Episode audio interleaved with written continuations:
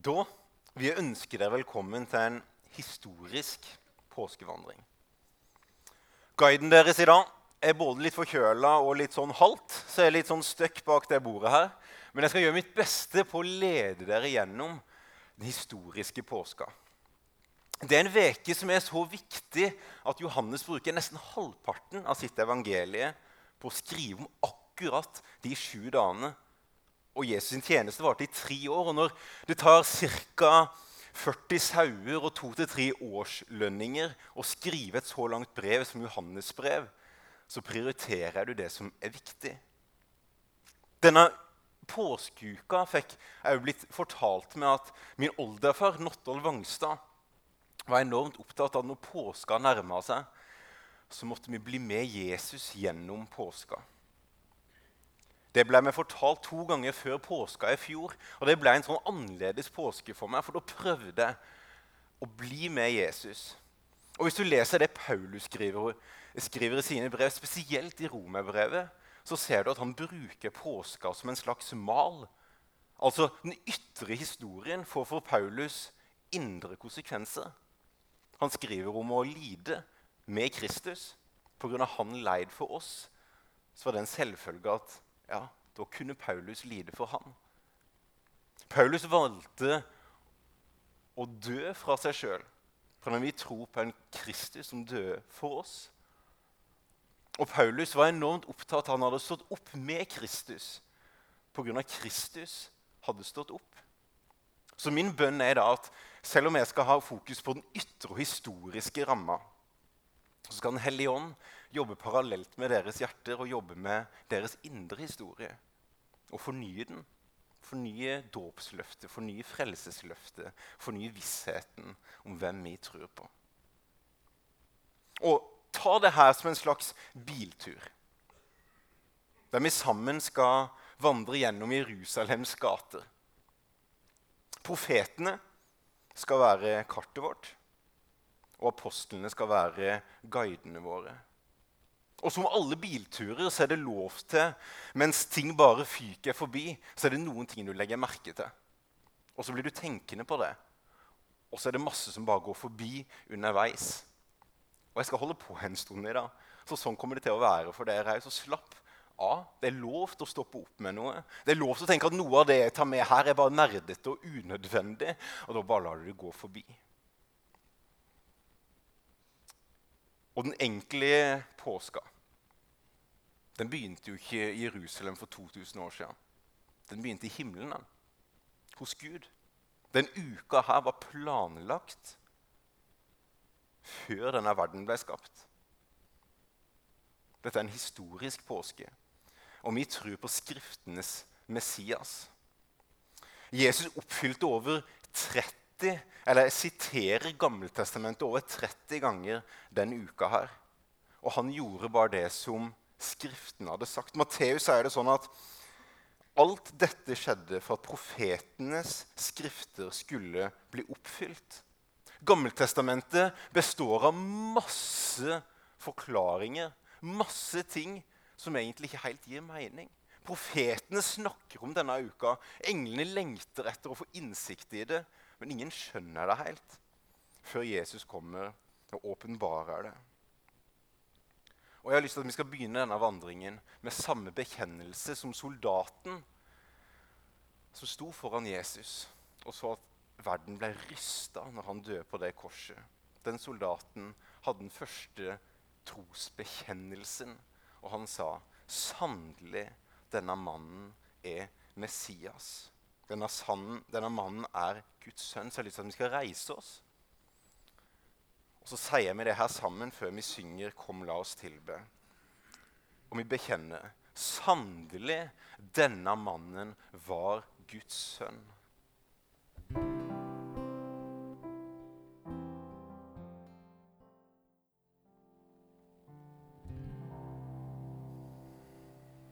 Vi er altså inne i den siste veka av Jesus sitt liv. Og som dere får opp på skjermen her, så tuller jo jeg til dagene deres nå. For det virker på de fleste historikere og teologer som at Jesus rir inn i Jerusalem på sabbaten. altså på en lørdag. Og som dere ser, så blir uka litt forflytta. Hvis det her blir vanskelig for dere, at ting blir litt sånn forskjøvet i forhold til vår eh, katolske overlevering av, av skjærtorsdag og langfredag, så, så dropp å tenke på det her. Det er ikke viktig for vår tro. Men for min del så var det nesten en liten troskrise der på videregående. når Jeg skjønte at Bibelen kan jo ikke telle. At Jesus dør på en fredag, fredag ettermiddag, og så skal han ligge i graven eller stå opp den tredje dag. Og så går du bare inn, da, og så to ja, men, Og så ser jeg at det ikke alltid når vi tror at Bibelen tar feil og vi har rett, så er det av og til vi bare må grave dypere. For mest sannsynlig så var det en dag før. Men ikke heng dere opp i det hvis det blir vanskelig. Men det er altså palmelørdag. da. Jesus rir inn i Jerusalem og presenterer seg sjøl som konge. Og Det er første gangen han presenterer seg sjøl som konge. Tidligere har han prøvd å dysse den ned. Helbrede de syke og sier ikke fortell noe om det. Men nå rir han altså inn i Jerusalem. Og igjen så har med Skriftenes Messias å gjøre. For det lyder et gjenklang fra Daniels bok. I Daniel kapittel 9 og vers 25 så står det at fra det går ut et bud om at Jerusalem skal bygges opp igjen, skal det gå 69 uker av år. Og Hvis du begynner å, regne på det, så er det 483 år. Og ganger det med den jødiske kalenderen, så er det et x antall dager. Og vi vet historisk at fra det gikk ut en befaling om at Nehemia kunne reise hjem og bygge tempelet Befalinga kommer fra kong Arxerex, Så går det akkurat 173 880 dager. Og på den dagen så rir Jesus inn i Jerusalem og presenterer seg sjøl som konge. Vi har med Skriftenes Messias å gjøre. Se, han slumrer ikke, og han sover ikke. Israels vokter. Zakaria 9,9. Bryt ut i jubel, datter Sion. Rop av glede, datter Jerusalem. Se, din konge kommer til deg, rettferdig og rik på seier. Fattig er han og rir på et esel på en eselfole. Han skal forsyne fred for folkeslagene. Hans velde skal nå fra hav til hav, fra storelven til jordens ender. Salme 118, 24. Dette er dagen som Herren har gjort. La oss juble og glede oss på den. Herre, frels. Herre, la det lykkes. Velsignet er Han som kommer i Herrens navn. Og Vi kjenner jo Salme 118. Vi tar den gjerne personlig, og det har vi lov til å gjøre. Men dette var en salme som øversteprestene visste at når Messias kommer, så begynner vi å synge den salmen. At dette er dagen som Herren har gjort. Det skulle være den salmen som presenterer Messias. Og det er sånn gjennom evangelien at Hvis dere ser at fariseerne begynner å bli frustrert og sinte, da kommer de til oss til hjelp.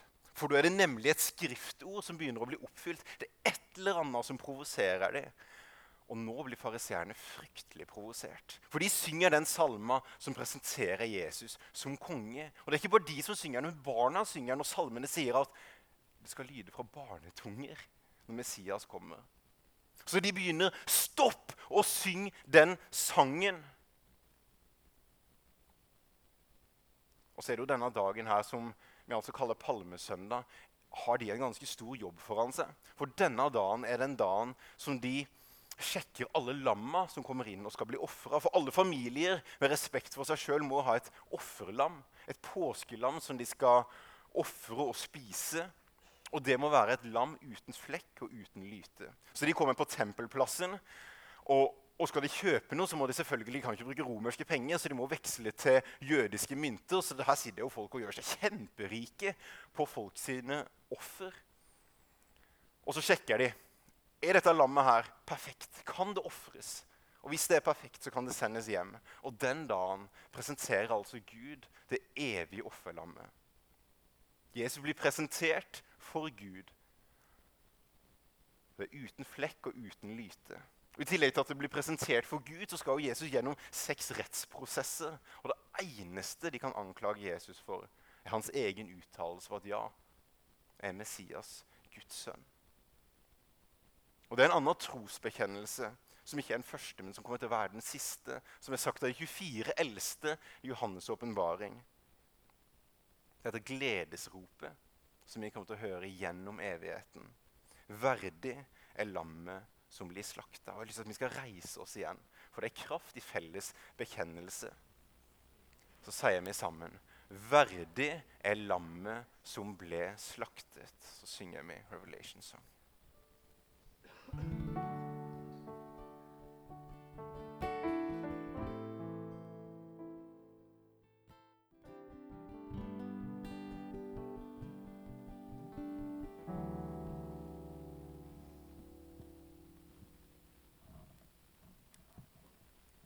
Den ytre realiteten samstemmer ikke alltid med den indre.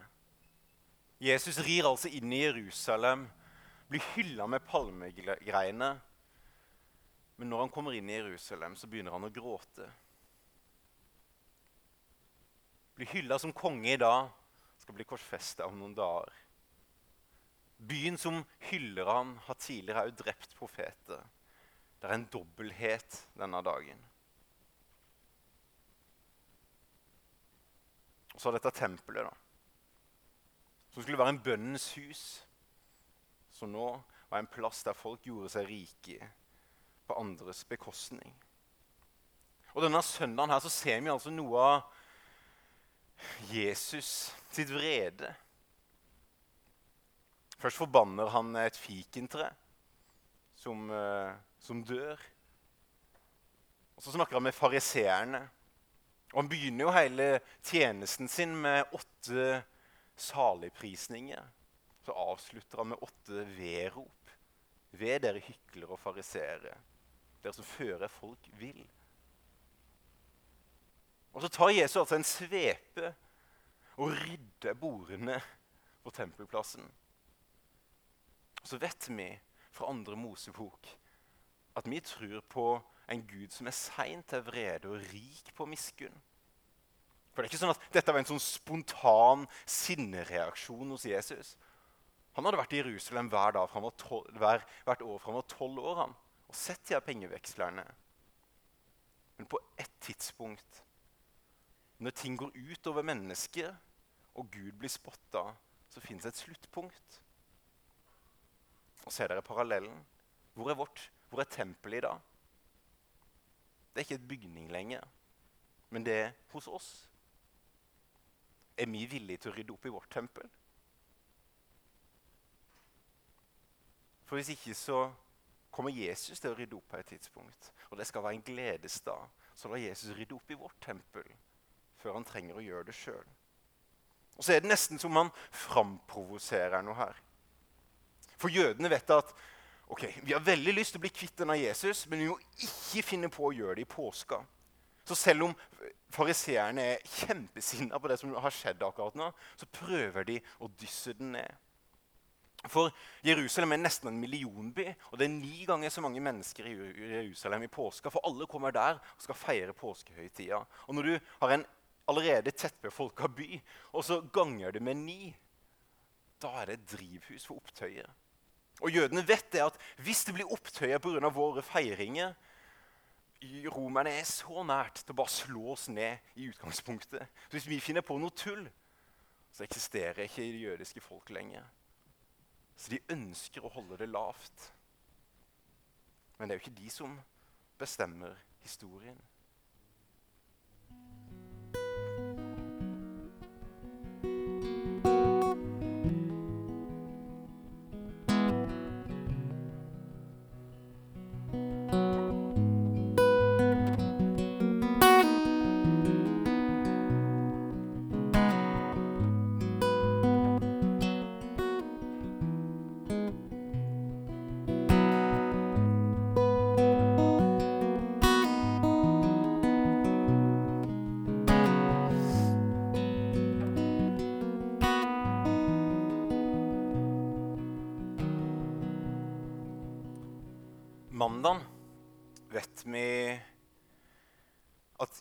Judas forråder Jesus. Igjen, som Skriftene har sagt, for 30 sølvmynter. Tirsdag vet vi ikke så veldig mye om, men det var nok sånn Jesus pleide å gjøre det. Før store eventer eller etter store eventer så trakk han seg tilbake for å være i bønn. Og så kommer denne onsdagen, eller skjærtorsdagen om du vil det, påskehøytida. Og den begynner tidlig. Dette er en sånn dag som nesten kan sammenlignes med vår julaften. Det er masse styr på dagen, og så roer det seg om kvelden. Og alle spør jo ja, ja hvor skal du feire påskemåltidet. Hvis vi, jeg og Else var i Oslo tett opp til julaften, så spør jo alle ja, hvor skal du feire jul. For det var viktig for dem hvor de skulle feire, men disiplene fikk ikke vite hvor de skulle feire. For når Jesus passa på at denne kvelden her skal jeg ha ro denne kvelden her så skal jeg få feire påskemåltidet sammen med mine disipler. Så han gir et kryptert budskap til Johannes og Peter om at de skal gå ut i Jerusalems gater og skal de finne en mann som bærer på en krukke. Og det er jo godt at de ikke fikk en kvinne skulle bære på en krukke, for de var det tusenvis av den dagen. Men det var ikke så mange menn som bar på krukker. Men sørvest i Jerusalem så var det et essenertempel som bare var av menn. Det var en slags trosfornyingsbevegelse i Jerusalem på den tida. Johannes holdt seg til essenerne, og essenerne var en kjempeviktig del av den første menigheten. Og Der traff de en mann som bærte vann. Og det var nok der som disiplene feira påskemåltidet den kvelden. Og Når de da går sammen nedover gata, og Jesus viser her skal vi feire påskemåltid, så tenker jeg nok Judas ah, Søren heller må vi bære på dette sviket enda lenger. Og svik er tungt å bære. Når de gikk opp i øversalen, så gleda de seg til nok til dette måltidet. Dette var en begivenhet. Men allerede på veien opp så begynner de en gammel krangel som de har holdt før. Hvem er den største i Guds rike? Hvem skal si det nærmest Jesus? Og Jesus var nok lei av denne krangelen. For Forrige gang de krangla om dette, så løfta Jesus opp et barn og sa dere må passe dere gutter. Han sa ikke det, men jeg føler det er det han egentlig mente. For at dere skal komme inn etter riket i det hele tatt. For den første skal bli den siste. Dere må bli som et barn. Men de har altså denne krangelen. og Vi som hans disipler har jo ikke slutta å krangle om akkurat de tinga. Hvem har den rette lære? Hvilken kirke har mest rett? Hvem skal være nærmest Jesus. Kildene peker på at Judas satt med Jesus sin venstre side, og Johannes satt med Jesus sin høyre side. Og Det var Johannes og Peter som hadde vært hele dagen der og forberedt dette påskemåltidet. Og Det virker som at Peter sitter så langt unna at han må kommunisere gjennom Johannes for å prate med Jesus. Og Det er ikke sikkert Peter var så fornøyd med hans plassering den kvelden. Og det er ikke sikkert vi heller alltid er så fornøyd med den plasseringa vi har fått i livet. Noen ganger tenker vi kanskje at etter å ha gjort så mye for deg, Gud, jeg er plassert her. At vi ikke er helt fornøyd med ferdigheten eller statusen eller utseendet. Er det dette her jeg får etter å ha strevd så lenge? Og Da kan vi minnes en historie om et misjonærpar som jeg synes er helt fantastisk. De kommer tilbake til USA tar båten inn til New York etter 40 år i tjeneste i Afrika. Tilfeldigvis på samme båt som de så det presidenten dette er i 1934. og Franklin D. Roosevelt kommer tilbake etter en jakttur i India. Og Han blir jo møtt med fanfare og musikkorps og masse mennesker, mens de må snike seg ut bak. Ingen møter de, og de må finne en billig plass å overnatte. Når de går bak det her, så blir mannen Han greier ikke å holde inne frustrasjonen. Så bryter han ut til kona at nå har presidenten vært og skutt uh, dyr i India, og vi kommer her etter 40 års tjeneste. Er det dette du har for oss, Gud? Og så korrigerer kona hans med å si vi er ikke framme ennå. Vi er ennå ikke kommet hjem.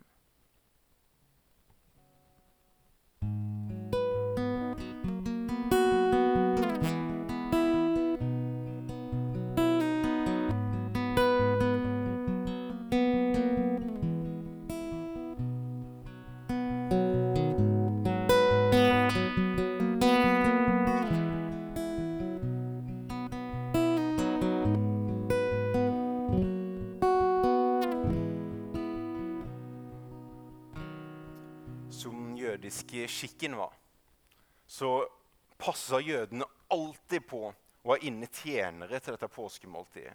For de vaska ikke føttene til hverandre bare én gang. De vaska føttene til hverandre ikke til hverandre. Tjeneren vaska føttene til jødene under påskemåltidet flere ganger. For dette var en viktig skikk som skulle minne dem om at de ikke lenger var slaver i Egypt, men de var frie. Og dette var tegnet på at de var satt fri. De var ikke under slavekåret lenger, så alle visste at beina skulle vaskes. Så når de er på vei til bordet og de ser at oi, vi er her uten noen tjenere, så ser jeg for meg at én etter én steger over dette vaskefatet.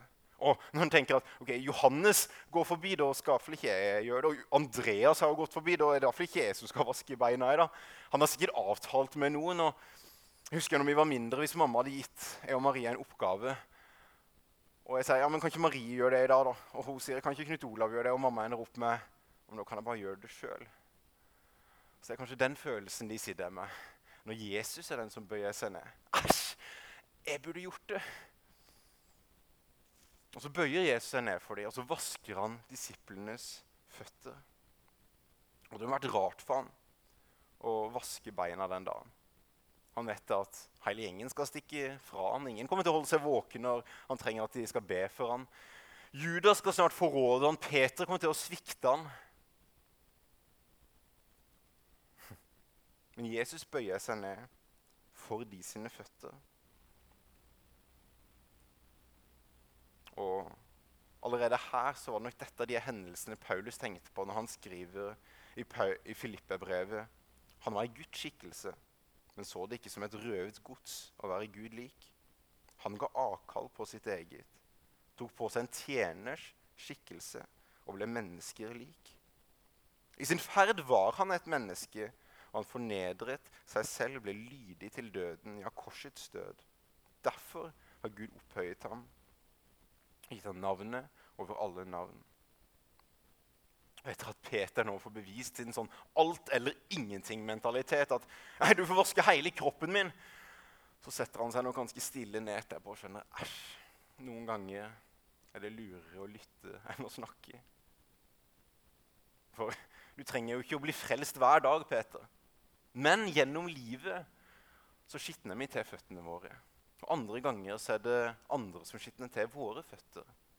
Og det er det godt å vite at vi har en Messias. Vi tror på en Gud som legger seg ned for kirkas føtter og vasker våre bein, selv om han vet hvor vi er på vei. Han elsker oss ikke på grunn av det vi gjør, men på tross av. Etter at brødet er brutt, så slipper Jesus denne her bomba en nyhet at en av dere skal forråde meg. Og der syns jeg disiplene svarer veldig klokt. For de begynner ikke å kritisere Ja, det er vel sikkert han.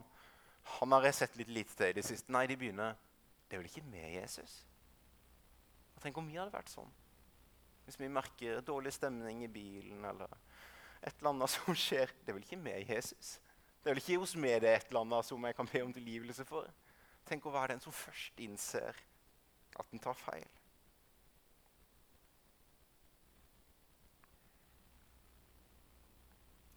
Lukas 22, 31. Simon, Simon, Satan har krevd å få sikte dere som hvete. Men jeg ba for deg om at din tro ikke måtte svikte. Og når du igjen vender om da skal du styrke dine brødre.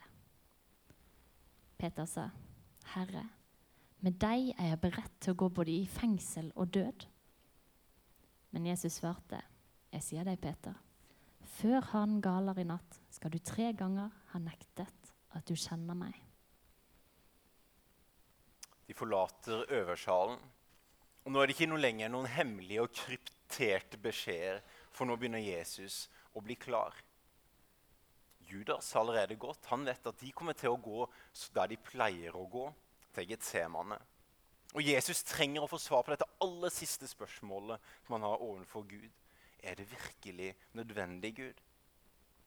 Og etter at han svetter blod og har det enormt vondt og ber disiplene be for dem, og de sovner første gangen og de sovner andre gangen, og når jeg samtaler med dem, så kommer det en romersk kohort marsjerende. Og ordet kohort kan jo alle etter koronaepidemien, men en romersk kohort det er en soldatmengde på 400-600 soldater. Og en kan jo tenke Overdriver dere nå? Her står det Jesus, elleve skjelvende menn. Jesus har ikke våpen. Kanskje noen av fiskerne sånn som Petra, og skaffa seg et våpen uten at han kan bruke det. Men er det nødvendig? Men ryktene har gått foran denne mannen. Dette er en mann som helbreder syke, setter fanger i frihet. Og Jesus har jo sjøl hadde ikke timinga vært riktig nå, så burde den kohorten ha slitt. På grunn av da kunne han bare kalle ned en englehær. Men det var jo ikke de som bestemte historien. Og så har vi Peter, da. denne fiskeren som har fått dette her sverdet. Som sikkert prøver å hogge etter en eller annen hals han kan finne noen å drepe. Så bommer han. Han treffer øret til yppersteprestens tjener Malkus. Sånn øredettere. Og jeg tror det er en i den kohorten som blir forandra den dagen. Tenk at du kommer der for å drepe. Og han du skal drepe, strekker fram hånda og helbreder øret ditt. Han må ha gått annerledes hjem fra den kvelden.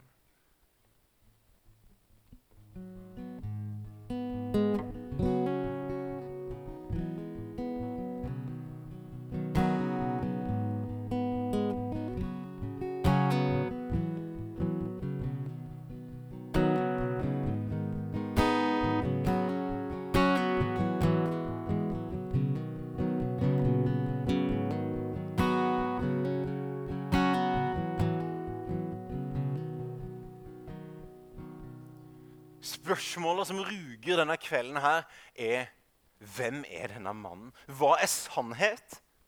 Og hva angår sannheten med? Det er det spørsmålet som Pilatus trenger å få svar på. Hva er egentlig sannhet, og hvordan angår det med? Og Det er det spørsmålet vi er blitt kristne. Vi trenger å forholde oss til. Hva er egentlig sannhet, og hva angår det med? Så Jesus går nå inn i seks rettsprosesser han er altså dette offerlammet som må sjekkes. Og Vi kan dele inn i to forskjellige faser. Det ene er en religiøs fase, og det andre er en politisk fase. De tre første rettergangene er jødiske, og de tre siste er politiske og romerske. Og Det første han blir leda til, er Annas. Og for en mann Annas måtte vært. Annas var jo ikke øversteprest, men han hadde fem sønner som øversteprester. Og så hadde han en svigersønn som het Kaifas, og Han var altså den fungerende øverstepresten. Det virker som at alt som skjer i Jerusalem, må innom Annas. Så han blir først leda til Annas. Og Så spør Annas Jesus om to ting. Han spør hva med læren din, og hva er det med disiplene dine? Det er de to tingene som Jesus blir forhørt om. Og når det kommer til læren, så virker Jesus nesten litt sånn overraska. Det er ikke i skjul jeg har drevet og forkynt om Guds rike. Jeg har stått på Tempelplassen hver dag. det som han sier sånn, Har dere hørt podkasten? Alt ligger åpent på Internett. Og da får han et slag i trynet.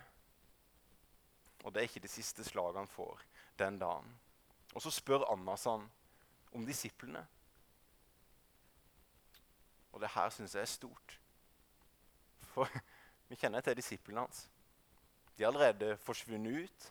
Peter skal fornekte han, Judas skal forråde han.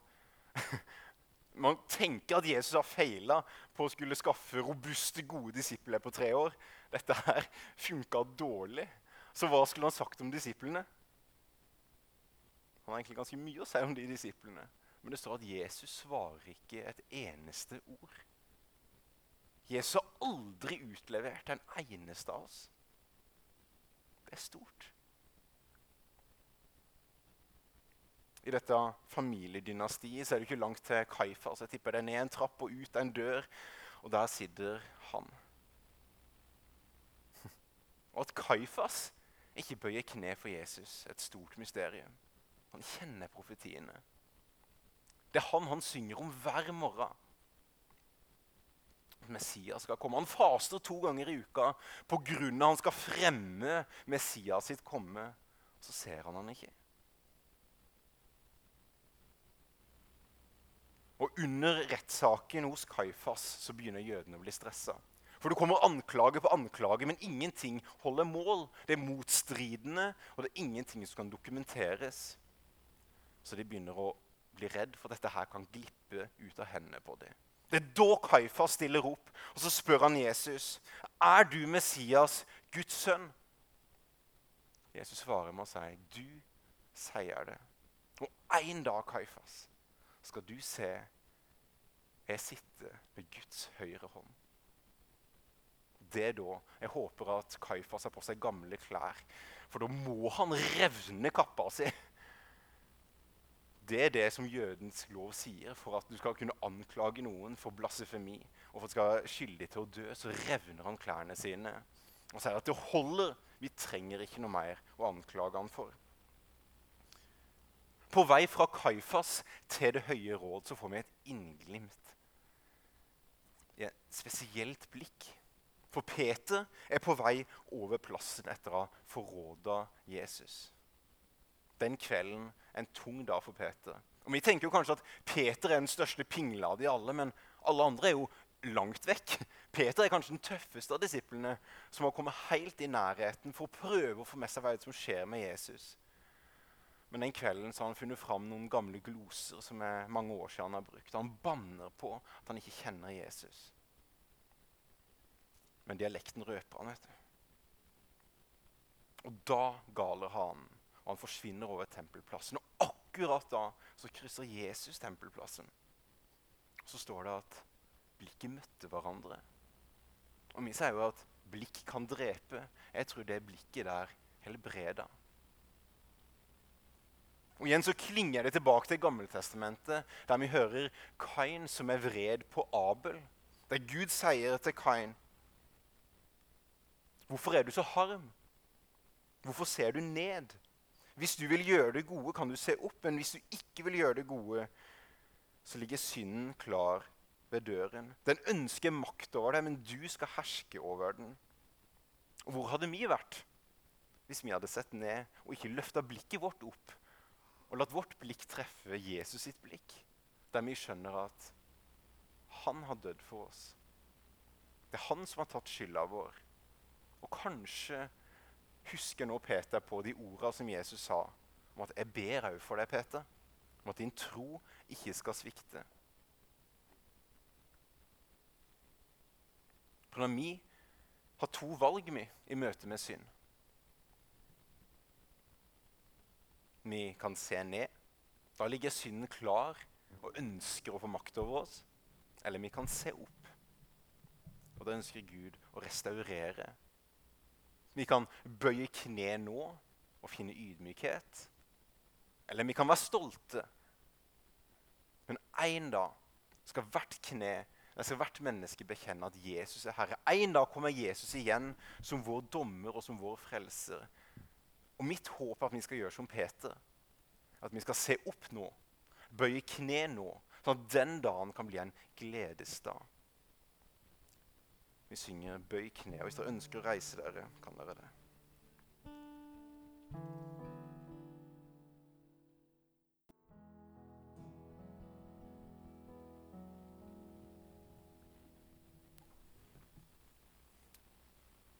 Jesus er kommet til Det høye råd, den mer formelle delen av rettsprosessen. Og allerede nå så har jo jødene brutt nærmere ti av sine egne lover. De har utlevert noen på natta. Det, det skal være mer enn ett døgn mellom uh, straff og dom. Alle jødiske menn som har feira påskehøytida, har jo drukket mer enn ett glass vin, og det er heller ikke lov når det skal være en sånn, en sånn dom. Så masse lover har de brutt, men de begynner å bli desperate etter at nå trenger de å kvitte seg med denne mannen. Så målet de har, gjør at de kan bruke ganske mange midler. Og de har denne ene uttalelsen som de bygger det på, for de finner ingenting mer å anklage han for. Så verdig er det lammet som de ikke tilegner synd. I den politiske delen så er det Pilatus som begynner. For når jødene skal felle en dom, det kan de gjøre, men de kan ikke dømme noen til døden, for de er under romersk okkupasjon.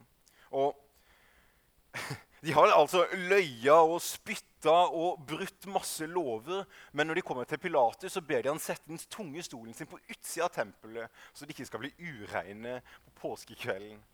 Dette er, umor, dette er religiøst hykleri på sitt verste.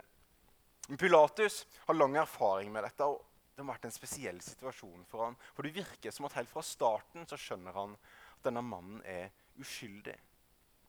Så han prøver å spørre han ut litt og skjønner at her er det ingenting å anklage han for. Men så er det noen av jødene som sier at ja, han har brakt opprør i Romerriket. Helt fra Galilea og helt til Jerusalem. Og da puster Paulus letta ut. Galilea, ja. Jeg har en på besøk her fra Galilea. Han som, han som skal ta seg av folk fra Galilea, det er Herodes Antipas. De var egentlig ganske dårlige venner. Men den natta står det at de ble venner. Felles fiender kan skape samhold. Så han sender han heldigvis videre til Herodes Antipas. Og Herodes Antipas det er ikke en hvilken som helst fyr. Det er altså sønnen til Herodes som drepte alle guttebarna når Jesus ble født. Herodes Antipas det var han som tidligere hadde fått Johannes Røsten som skulle rope og rydde vei for Herren i ødemarken, fått inn på et sølvfat. Og Herodes Antipas han er interessert i sirkus. Han. Så han ønsker å se noen tegn og under og mirakler og prøver å hause opp stemninga. Setter på en tonekrone og en rød kappe og tenker at nå får jeg det gøy. Men Jesus svarer ikke et ord. Kan du ikke høre ordet når han har kutta av røsten? Og Denne nysgjerrigheten går over til stor ergelse, og han sender Jesus tilbake til Pilatus. Nå har jo Pilatus fått høre av kona si at du må ikke ha noe å gjøre med denne mannen. For jeg har drømt så vondt om han i natt. Og han får enda en grunn til å prøve å slippe han fri. Så han tenker vel ut sin beste strategi nå er å ta vår verste forbryter. Ta Barabas. Han som har skapt opprør og drept mennesker. Ingen vil ha en sånn mann fri. For det er ikke påska. Og det er jo en tradisjon at en mann skal komme fri i påska. Han setter de opp mot hverandre. Hvem skal jeg sette fri? Så får de øverste jødiske lederne folket til å rope Barabbas! Barabbas! Slipp Barabbas fri! Og la hans blod komme over våre liv og våre barns barnebarn. Og de får det de ber om.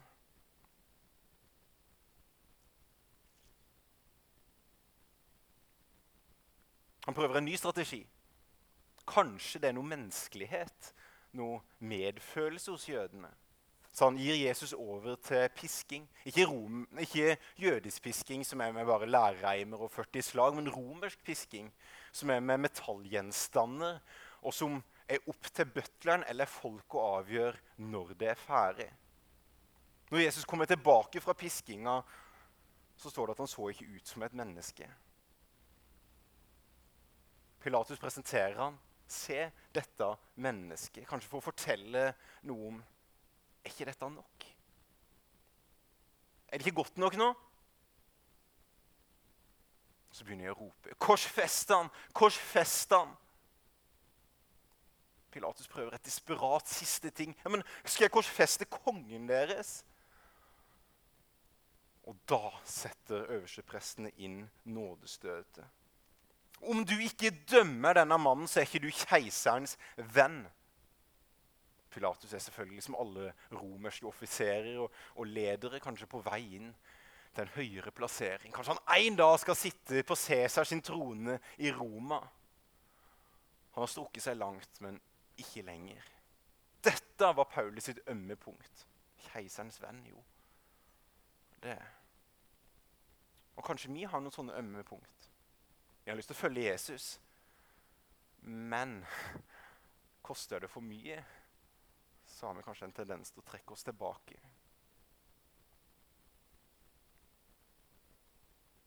Han vasker da hendene sine med såpe og vann. Men Pilatus.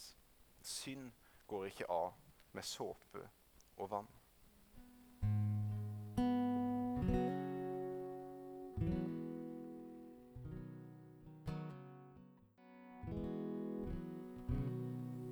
måtte altså gå opp smertens vei via Dolorosa, hodeskallen. Og til det samme fjellet så var det en annen ung mann som gikk. Det er en parallell i Det gamle testamentet der det var en sønn som heter Isak, som gikk til samme fjell, men fra en annen destinasjon. Denne sønnen bærte sitt offer ved på ryggen. Jesus bærte korset på ryggen. Og vi vet at det var en far i begge tilfellene som følger veldig godt med, og som har det enormt smertefullt når sønnen går oppover lidelsens vei. Når Jesus kollapser under det store trykket fra dette korset, så ser vi Simon fra Kyrene, som nå bærer korset på tvang. Men det er interessant at vi mest sannsynlig treffer han igjen i apostlenes gjerninger under tilnavnet Simon eh, fra Niger, som betyr altså svart.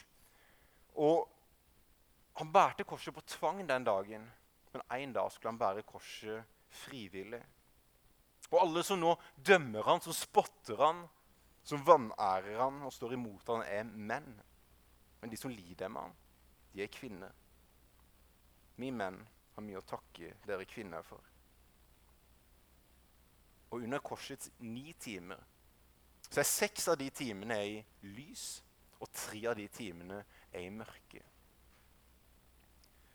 Og Under fase 1 så sier ikke Jesus så veldig mye, men det han sier, uttrykker noe av verdiene hans. sine. Han ber for sine egne, og han tilgir dem. Han, be, han, han ber Johannes ta vare på mammaen sin. Og så har han en samtale med røverne. Det er en som forakter han, og så er det en som spør om en tanke og får tilgang til hele himmelriket. I fase to er det en unaturlig solformørkelse. Og Som naturfagslærer vet jeg at en solformørkelse kan maks vare i åtte minutter. Det har med planetenes rotasjon å gjøre. Men denne solformørkelsen her varer i tre timer. Og det har vært en intens åndelig kamp. Tenk djevelen. Han vet fra første Mosebok kapittel 3 at slaget står etter Evas ett. For der skal det komme en og knuse hodet på slangen. Så fra han visste den profetien, så har han jobba iherdig med å greie å ta dette slektsleddet. Hvis du leser gjennom Jesus' slektstavle Det er ikke tilfeldig at både Lukas og Matteus begynner evangeliene sine med slektstavla, for den er krukkete og rar. Og djevelen har gjort alt han kan på å finne en måte å utslette denne slekta på, så ikke Skriftens Messias skal kunne oppfylle hvert eneste av de profetiene som er kommet. Og nå tror nok kanskje jeg vet ikke, Men det må ha vært en intens åndelig stemning i Jerusalem de her tre timene. Der kanskje djevelen tror nå nærmer jeg meg å utføre og seire.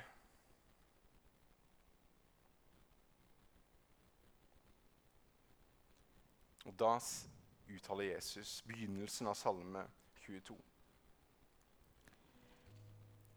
Min Gud, min Gud, hvorfor har du forlatt meg? Hvorfor er du så langt borte når jeg trenger deg, når jeg trenger hjelp og skriker ut min nød? Til deg satte fedrene sin lit. De stolte på deg, og du fridde dem ut. De ropte til deg og ble reddet. De stolte på deg og ble ikke til skamme. Men jeg er en mark og ikke en mann spottet av mennesker, foraktet av folk. Alle som ser meg, håner meg, vrenger leppene og rister på hodet. Han som har overgitt seg til Herren, la ham fri ham ut og redde ham, siden han har glede i ham.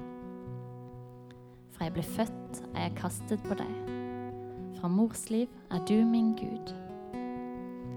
Vær ikke langt fra meg, for nøden er nær, og det er ingen som hjelper. Munnen er tørr som et potteskår. Tungen er klistret til ganen. Du legger meg ned i dødens støv. De gjennomborer mine hender og føtter. Hvert ben i kroppen kan jeg telle. De stirrer, de ser på meg. De deler klærne mine mellom seg og kaster lodd om kappen. Så når han har det på sitt aller verste, som han har slitt med denne tanken her Hvorfor Gud? Er det verdt det? Og som kristne så sliter vi mye med den tanken noen ganger. Var det verdt det, Gud? Er, er verdt det?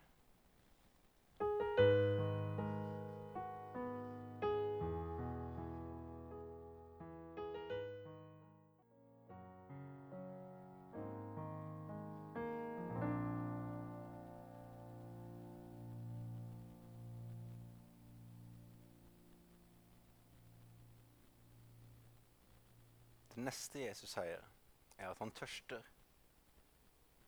Og kanskje er det bare for å ha stemme nok til å rope ut det neste han skal si. Det er fullbrakt.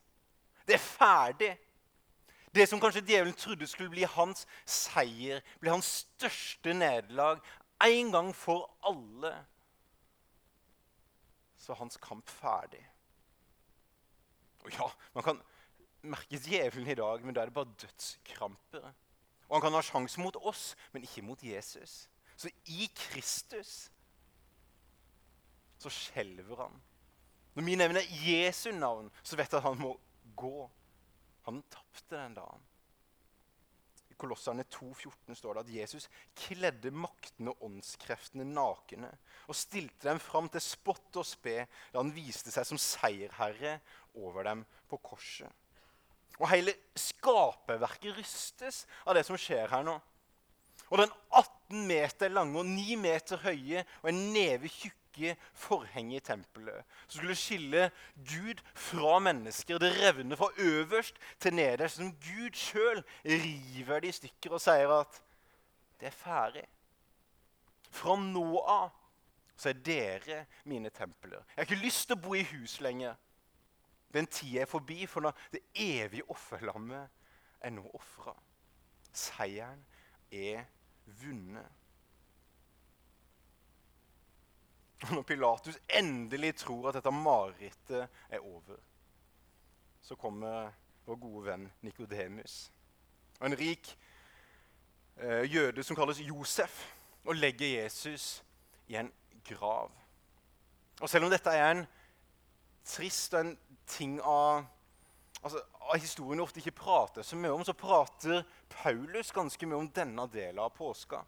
I Romerne bruker han mange kapitler på nettopp å prate om det her. Hva er egentlig det nye livet i Gud? Jo, det er at vi lar oss korsfeste med Kristus. At vi lar oss begraves med Kristus. For når vi har dødd, en død som er lik hans, og en begravelse som er lik hans, så kan vi få en oppstandelse som er lik hans. Og dere som sitter her, vet at veien inn i kristenlivet det er ikke nødvendigvis lett. Noen ganger kan det være ganske tøffe saker. Ting vi må vende oss vekk fra, som har kosta. Personer som kanskje har vendt oss ryggen. Ting som har vært vanskelig opp igjennom. Men ting som fødes i smerte, er sterke saker. Og når vi begraver vårt gamle liv med Kristus, så får vi en oppstandelse som er lik hans. Ikke i vår egen kraft, men i hans kraft. Den kraften som reiser Kristus fra det døde, den kraften som reiser oss opp igjen. Og Jeg leser fra Romerne 6, fritt oversatt av The Message-utgaven. Dette er det dåpen betyr. Når vi går under vannet, begraves vi med Kristus. Når vi blir tatt opp av vannet, blir vi oppreist med Kristus. Kunne det vært mer klart? Det gamle mennesket ble nagla til korset. Du er ikke lenger slave til synd. Om du velger å dø med Kristus i en død som er lik hans, skal du også få leve med Kristus. Du er død for synd og levende for Gud. Dette er det kristne paradokset. At et såkorn må havne i bakken for å kunne bli det det egentlig var skapt for å være. Det blomsten eller det treet det skal være. Vi trenger å dø med Kristus for å bli det han har skapt oss til å være. Og Mange lever med synd som en sånn troll i eska. Du vet aldri når du skal hoppe opp. Jesus ønsker at vi skal dø fra det gamle livet. Begrave det, så vi kan ha oppstandelse som er lik hans i det nye livet. Vi er døde for synd, men levende for Gud. Disiplene har nå låst seg inn, og jeg er usikker på hvordan stemninga er for disiplene. Men de har låst seg inn, de er redde, og de kjenner jo til historien. For i perioden før Jesus har det vært ganske mange Messiaser. Jødene kjenner jo til fenomenet.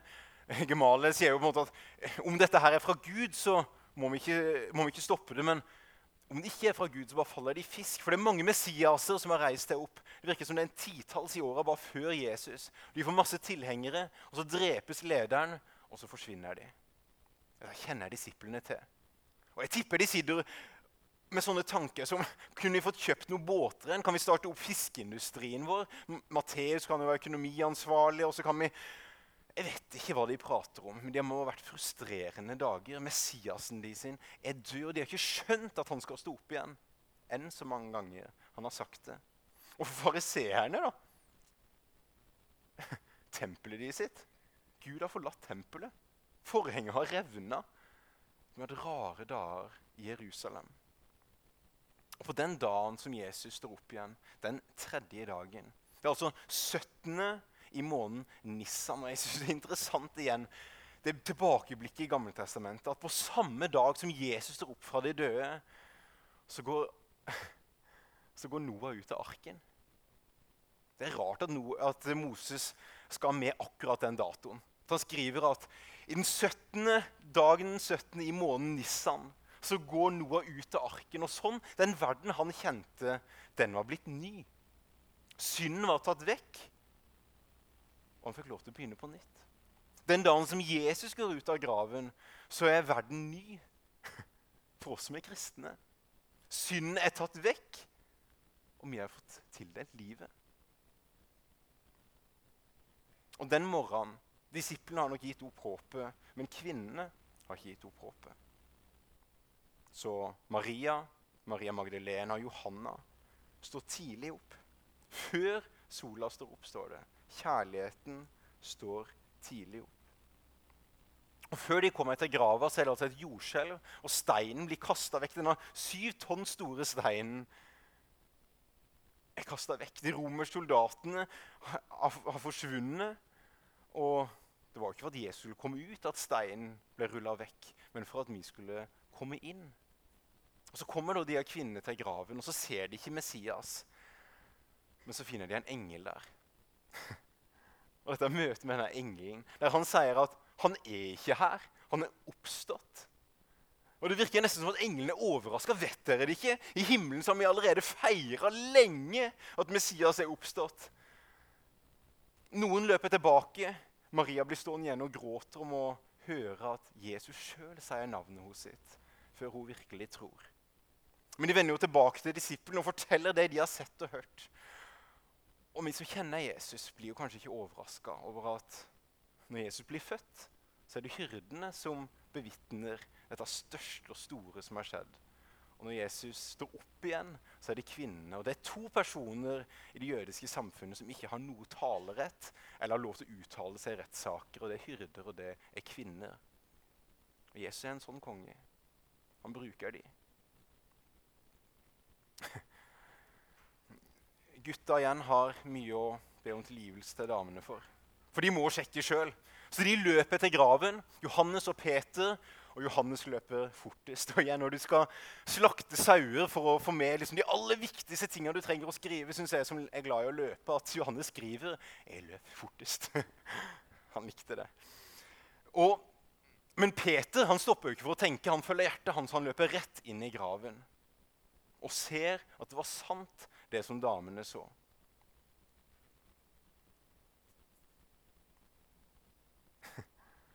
Og inni graven så ser de dette her merkelige. At de her kledene som er rulla rundt ham, de er jo ikke rulla opp i en surr. De, virker som det bare er forsvunnet ut av det. Og dette her er en av mange ting som vaktene får problemer med å forklare denne dagen. Tenk den forklaringsproblematikken. De må innom øverstepresten på veien til romerne. Og så prøver de å få forklart hva er det vi skal si, og så får de betalt for denne historien om at de sov på vakt. Og så tenker jeg sov på vakt? Romerske soldater må dø hvis de sover på vakt. Men denne dagen her blir det altså betalt for å sove på vakt. Men, men, men sover du så godt, da? At en eh, syv tonn tung stein kan rulles vekk? At disiplene kan snike seg forbi, ta ut Jesus uten å rulle opp legemet og forsvinne ut uten at du våkner? Det, da trenger du mye å sove på. Skal du sove så tungt? Og så tenker jeg Hallo, Kaifas. Er det ikke tida for å våkne nå? Er det ikke tida for å innse at denne mannen er Messias? Men noen ganger kan hjertet vårt være sausa så inn i løgn at ikke du ser det mest åpenbare. At Jesus er Messias. Vi synger for evig. Vi kan reise oss.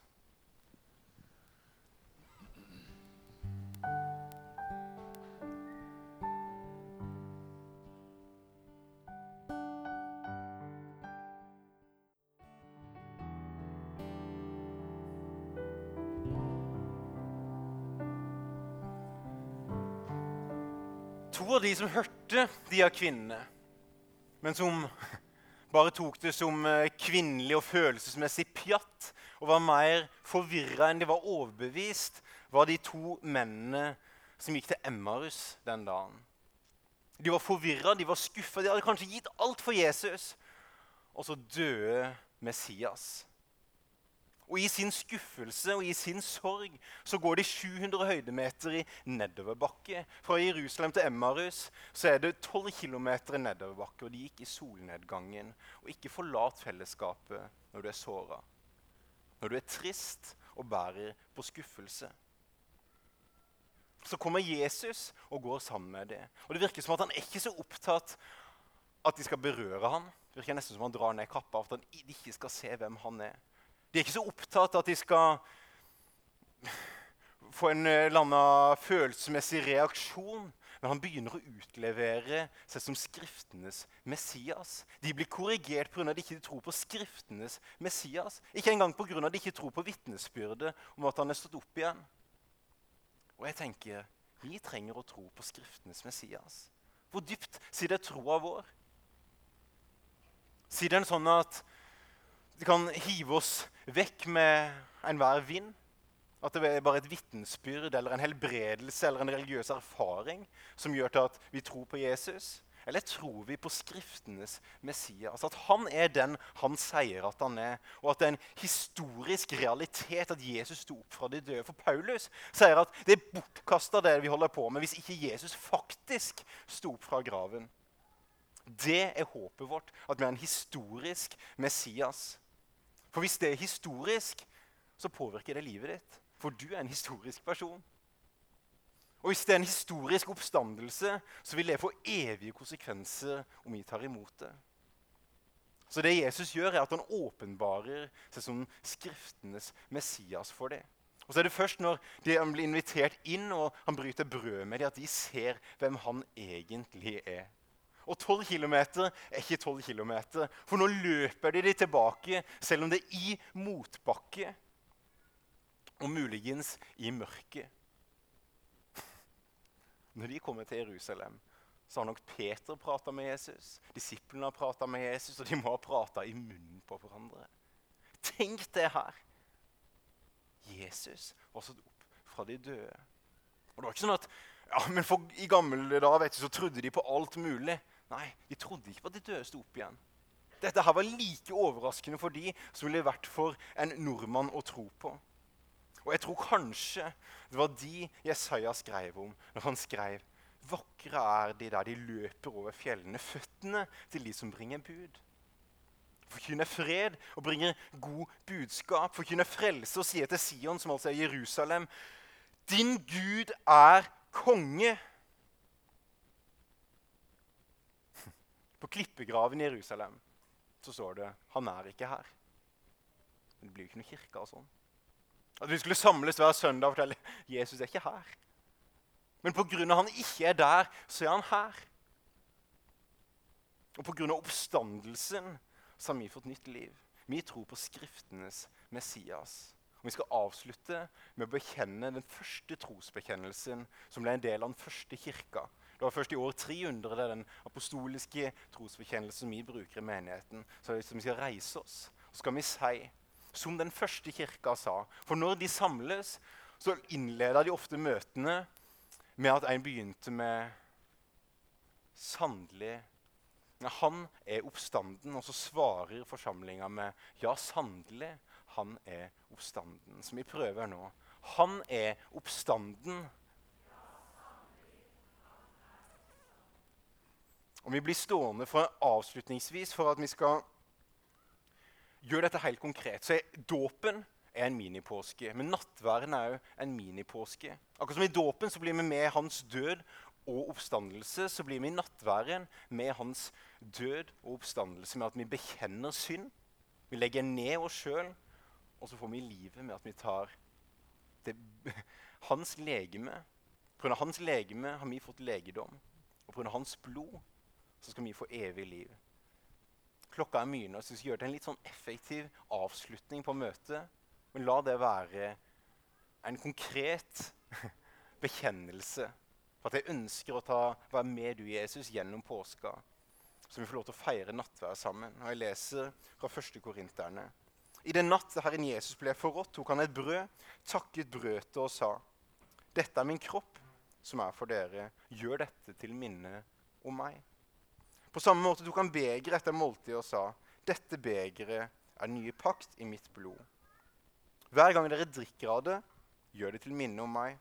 For hver gang dere spiser dette brødet og drikker av begeret, forkynner dere Herrens død helt til Han kommer.